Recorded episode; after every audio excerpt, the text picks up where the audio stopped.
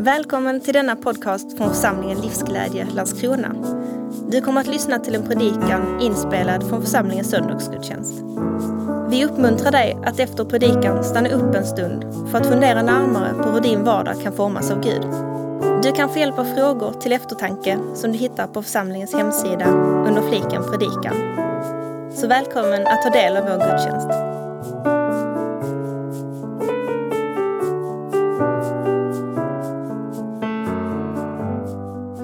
Eva-Lena har sagt det, men jag måste också få säga att det är så kul att vara här. Det är, ja, jag vet inte, vet inte varför, men det känns så som att komma hem och komma hit. Det har ju år, årsmässigt har det inte varit så stor del av vårt liv, men på något sätt så vi känner oss verkligen hemma här och trivs så fantastiskt bra med er. Så det är, det är en jätteförmån för oss att få komma och vara med er. Ja, det är det. Ja, ja precis. Jag måste säga, vi, ni, en del av er känner ju inte alls oss, men vi bodde ju här under några år och sen var vi ju, ja, vi har varit borta. Om man säger, vi har haft ett hus här i Landskrona, haft vårt hem här, men större delen av den tiden har vi ju inte varit här egentligen.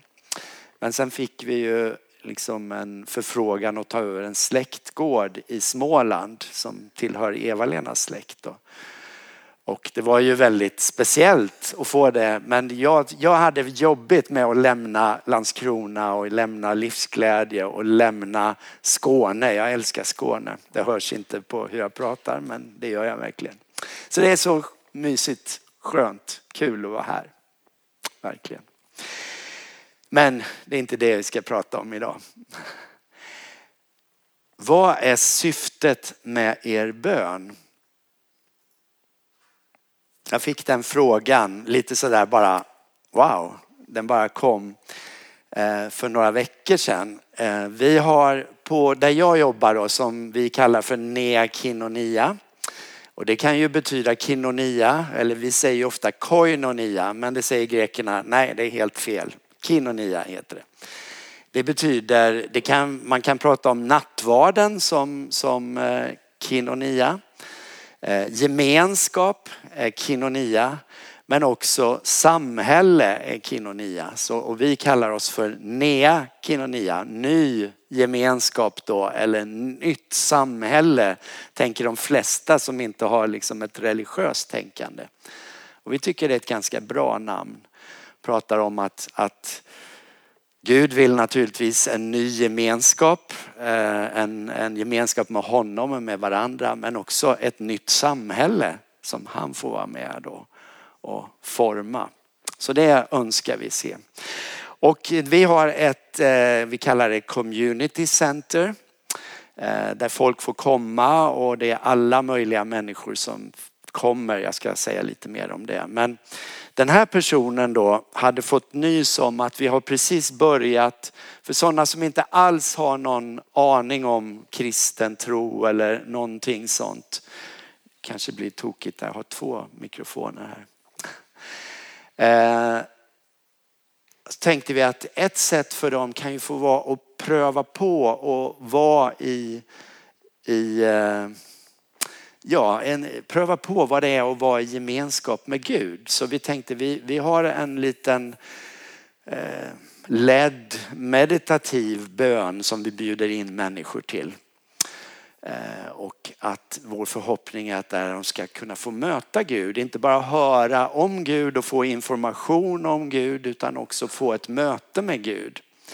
Så vi har gjort det ett litet tag och så var det en man då som själv har gjort en resa och han har varit buddhistmunk under en period och nu är han inne i, i hinduism och håller på att sätta upp ett, ett retreatcenter eh, där han propagerar för det här. Men han kommer till oss väldigt ofta och han gillar gemenskapen som vi har. Och han, han har upptäckt, jag vet inte om ni har sett den, jag har bara tittat på något avsnitt men det finns en eh, serie som heter, eh, ja vad heter den nu då? Eh, som handlar om Jesu liv, går på Netflix. The Chosen, precis. Och han gillar den jättemycket för han är så fascinerad av Jesus. Så han peppar oss hela tiden. Ni måste se den, ni måste se den. Så det känns ju kul att han peppar oss att lära oss mer om Jesu liv. Eh, men då ställde han den här frågan för han hade hört om vår, vår, vår inbjudan till att vara med i den här bönen. sa han, vad är syftet med den här bönen? Och det fick mig liksom att, wow, ja, hur förklarar jag det för honom? Och det är så lätt när vi tänker på bön, eller åtminstone när jag talar för mig själv nu, att det är så mycket utifrån att vi kanske har ett behov eller vi har någon nära oss som har ett behov eller vi ser ett behov någon annanstans och vi, vi Bönen blir mycket att vi lyfter fram våra behov och det ska vi göra och det vill Gud att vi ska göra. Så det är ju fantastiskt att vi får göra det. Vi kanske också vi längtar efter frid eller vi, vi vill lasta av våra bekymmer och då är ju bönen fantastisk. Men jag, jag kände att ja, men det känns lite futtigt ändå. Liksom, är det bara det? Är det bara det att vi kan vi kan liksom be Gud göra något för oss. Är det det bön handlar om? Att få Gud att göra någonting.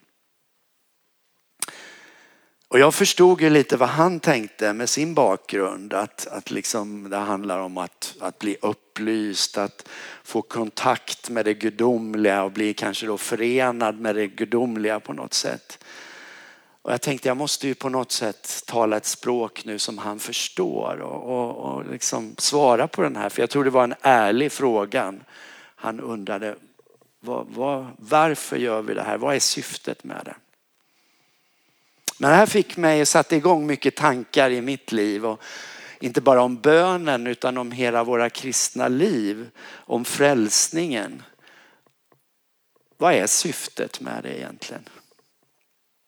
Och vi är ju som, som kristna, vi är väldigt medvetna om att liksom, det finns saker som har kommit mellan oss och Gud och det, det är liksom eh, kontakten med Gud är bruten och vi har hittat en väg att få det här återupprättat, att vi får kontakt med Gud igen, att synden tas bort, att det som har kommit emellan oss och Gud eh, tas bort av Gud själv.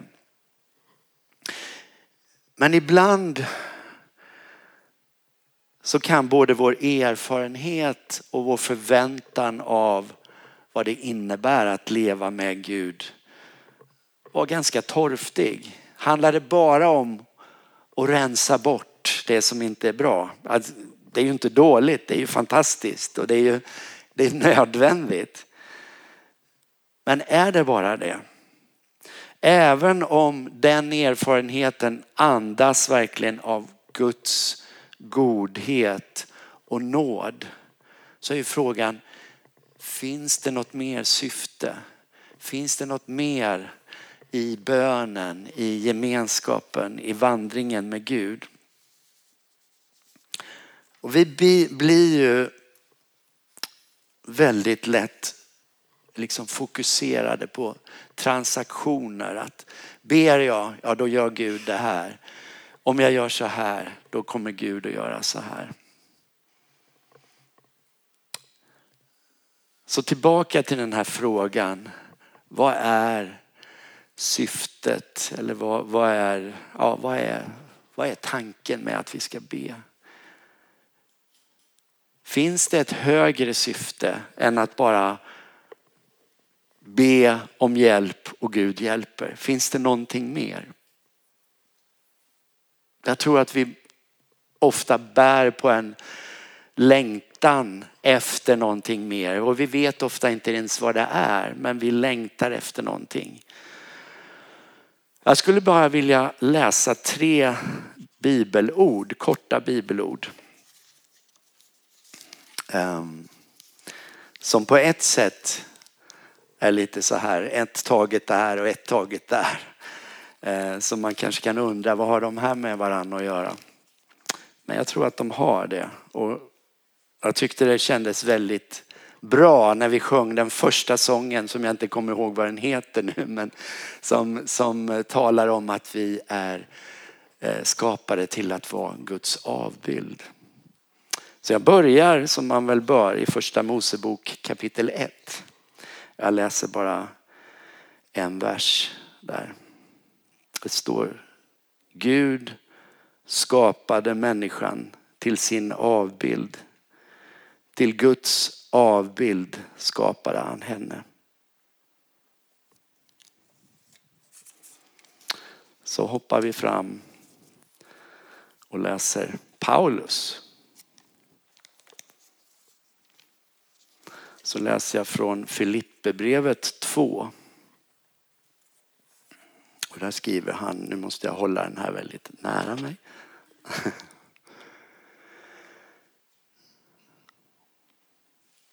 Han, alltså Jesus, ägde Guds gestalt men vakade inte över sin jämlikhet med Gud utan avstod från allt och antog en tjänares gestalt då han blev som en av oss. När han till det yttre hade blivit människa gjorde han sig ödmjuk och var lydig ända till döden. Döden på ett kors. Därför har Gud upphöjt honom över allt annat och gett honom det namn som står över alla andra namn. För att alla knän ska böjas för Jesu namn i himlen, på jorden och under jorden. Och alla tungor bekänna att Jesus Kristus är Herre, Gud Fadern till ära. Och så ska jag läsa en vers till och det är någonting som Jesus säger.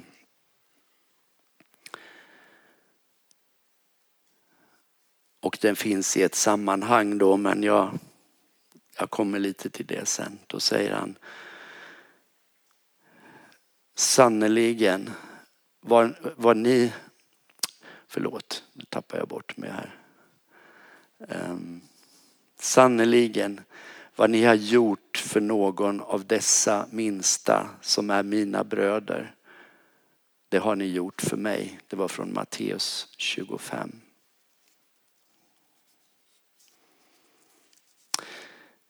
Gud har genom Jesus förenats med människan.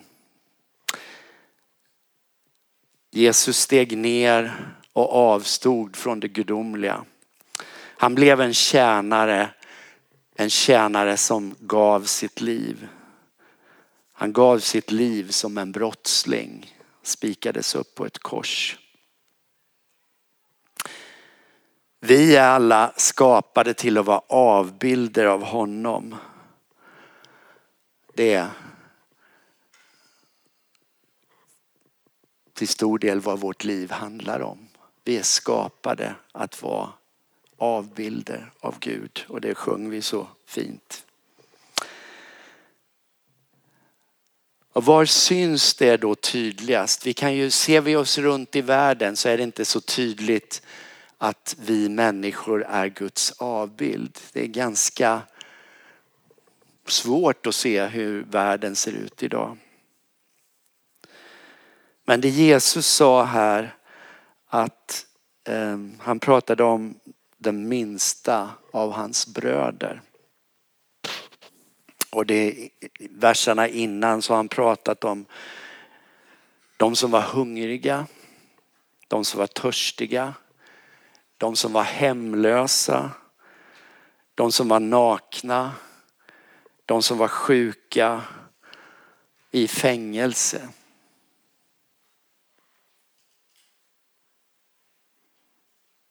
Det är de Jesus identifierar sig med.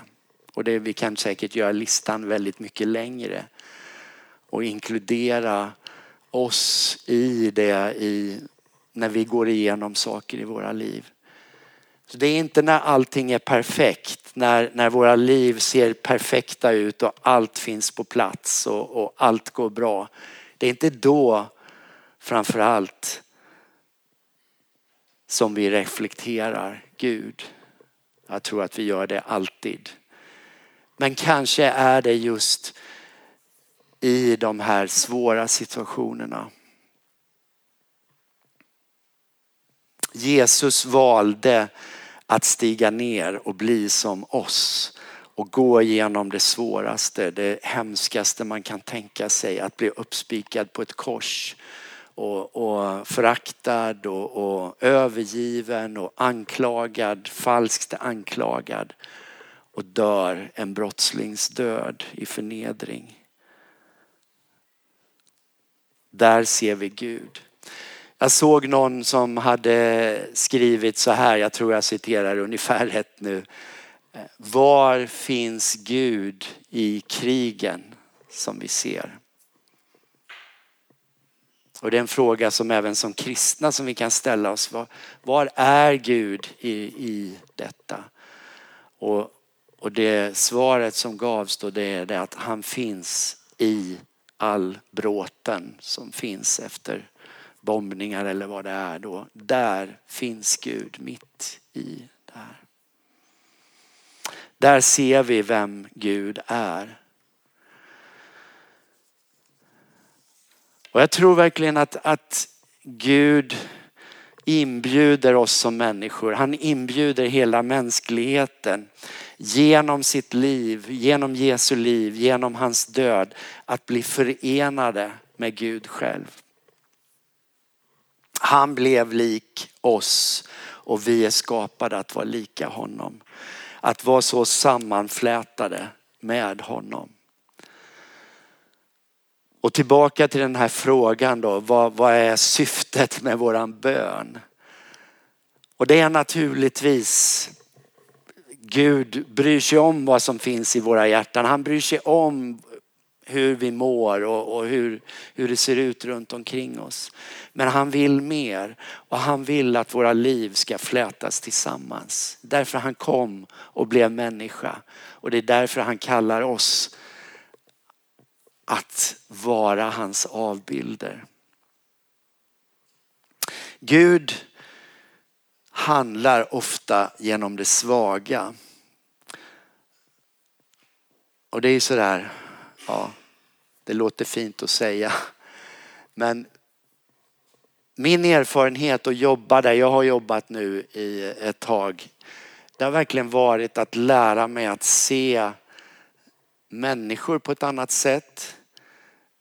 Men också förstå Gud på ett annat sätt. Vi har mycket människor som har det väldigt svårt, som har svåra bakgrunder och brottas med jättejobbiga problem. Och på något sätt så vill man ju naturligtvis att ja, alla de här problemen bara ska lösa sig och, och att ja, det är liksom framgång och seger på alla områden och allt löser sig snabbt. Och ibland löser saker sig, kanske inte alltid så snabbt, men det blir, det blir bra. Men ofta är det en kamp. Och det tar tid. Men det betyder inte att Gud är långt borta. Det betyder inte att han inte bryr sig om den situationen. Gud är där mitt i den här kampen. Och jag har tänkt på det här så många gånger att, att vill vi komma Jesus nära, vill vi förstå honom så är ett bra ställe att, att söka bland de som är hungriga och törstiga och nakna och hemlösa och har det svårt. Där är Gud. Och där kan vi på något konstigt sätt se honom bland de här människorna. Och det har öppnat för mig ett nytt perspektiv. Och det här handlar ju om, vi pratade, Magnus nämnde det här om att ha hopp. Och vi möter många, många människor som har väldigt lite hopp eller egentligen inget hopp. Och många som vi möter är ju flyktingar, det är många andra också, men många är flyktingar och har kommit till en punkt där det finns liksom ingen väg framåt längre. Och deras lösning blir då att kanske bo på gatan, sälja droger, använda droger naturligtvis och liksom det, det, allting är kört. Uh, var hittar vi då hoppet i det här? Ibland kan man känna, kommer vi och försöker förmedla ett hopp? Väcker vi bara liksom, vad säger man, en, en, en förhoppning som är omöjlig och blir det bara värre då? Men jag tycker mig se att det är ofta i de här små situationerna som Gud verkar. Paulus igen då skriver att allt samverkar till det bästa. Det är taget lite ur sitt sammanhang. Men, och då tänker man, ja men allt blir bra och ja, man kan ju tolka det lite hur man vill. Men ett sätt att tänka runt det här det är ju att allting, stort och smått, Gud finns i allt. Om vi bjuder in Gud så kan han verka genom något som är väldigt litet. Något som är väldigt eh, ja, lätt att bara förklara bort. Det här är väl ingenting, det har ingen betydelse. Men allt har betydelse i Guds ögon. Och han kan använda allt, stort som smått. Gud finns mitt i det. Och när vi ser allt det här mörka så, så ja, visst är det viktigt med stora politiska beslut och det är, det är naturligtvis superviktigt och vi ska be för de som har möjlighet att påverka. Men vi ska inte heller förakta det vi gör och det Gud gör i det lilla eller genom den lilla människan. Varje människa är viktig. Varje upprättat liv är en del i det som Gud håller på och skapa och som håller på att växas fram. Växa fram. Världen förändras genom små vanliga människor som gör vanliga saker. Vi i det arbete jag står i så ser vi ju en del individer som verkligen får hjälp och som får hopp och som får kraft att gå vidare och, och deras liv blir förändrade. Det vi önskar nu det är att få se, man kan väl säga så här, vi, vi vill skapa, eller att Gud skapar en kristen gemenskap där vi är. Och på ett sätt så har vi en, en gemenskap nu. Vi har ett kanske 20-tal människor som, som håller på att bli en, en, eh, en tydlig gemenskap på något sätt. Väldigt, väldigt spretigt och väldigt, väldigt brokigt med olika människor. Men den kanske inte är så kristen idag ännu. Vi försöker genomsyra den med liksom att tänka goda värderingar, tänka som Jesus skulle ha gjort och och hur vi bemöter varandra och så. Men den har inte så kristna förtecken. Det finns några individer som börjar ta mera tydliga steg och följa Jesus. Och det är jättespännande. Men vi skulle önska att som hel gemenskap att vi skulle kunna gå på den här vägen då att, att eh, vi får bli mer tydligt ett uttryck för vad det är att vara Jesu efterföljare. Att vara skapade som hans avbilder och reflektera honom. Och att syftet när vi ber eller syftet när vi lever våra liv skulle få vara tydligt. Ja men det är för att Jesus ska komma nära oss. Att vi ska komma nära honom. Att våra liv blir så sammanflätade så vi blir ett med honom. Det är inte bara att lösa problem som vi har. Det Gud vill det. Men han vill någonting mer. Han vill lyfta oss. Att vi ska få vara ett med honom. Vi pratar om att han bor i oss och det gör han. Och vi bor i honom. Att det här skulle få bli tydligt. Det är min önskan och bön för de människor vi har att göra med. Och det är min önskan och bön för oss alla.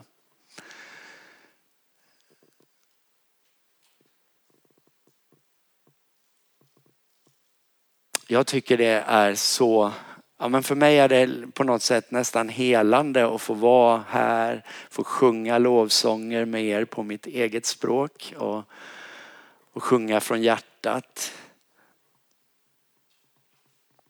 För Gud vill beröra oss, inte bara på ytan, inte bara lösa vissa praktiska saker för oss, utan han vill beröra oss på djupet.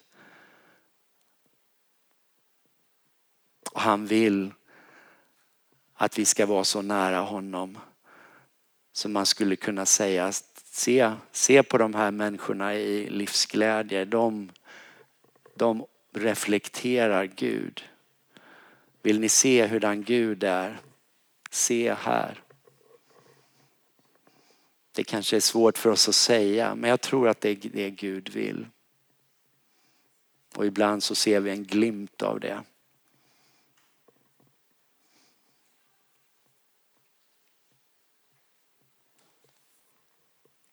Nu har inte jag sagt så mycket om det arbete jag står i men jag är rädd att det blir för långt om jag ska säga mer om det.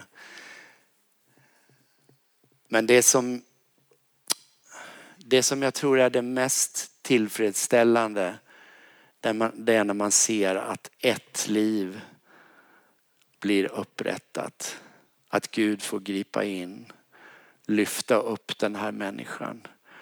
Och det som då är ännu mer fantastiskt är när man ser att det, det påverkar hur, hur man lever sitt liv, hur man bemöter andra människor och att det ger en, en mening och ett innehåll. Så jag tror att jag ska sluta här, men jag, jag vill sluta lite där jag började. Och jag vill inte ge ett fullödigt svar på frågan. Jag tror ibland är det bra att bära med sig en fråga. Vad är syftet med eran bön? Vad är syftet med ditt liv med Gud? Och jag är övertygad om att det har många bottnar och många möjliga svar som inte är fel. Men det finns alltid mer. Det finns alltid mer att uppleva av Gud och få bli berörd av honom. Så jag vill be, be en bön om det är okej okay, och sen så slutar jag där.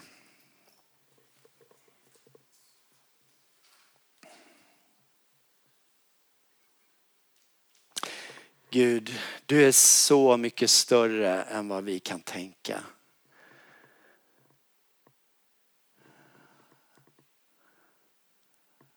Och du är så mycket närmare än vad vi anar. Tanken svindlar när vi förstår att du vill vara nära oss. Och vi vill bara bjuda in dig om att kom nära oss. Hjälp oss att ta de steg som behövs för att vi ska få vara nära dig. Jag ber för oss alla här att vi skulle få ta nya steg på den resan tillsammans med dig. Och att det får förvandla oss och det också får förvandla människor som vi har runt omkring oss. Låt oss få vara dina avbilder. Låt oss förstå mer vad det betyder. Tack för att du blev människa för vår skull. Amen.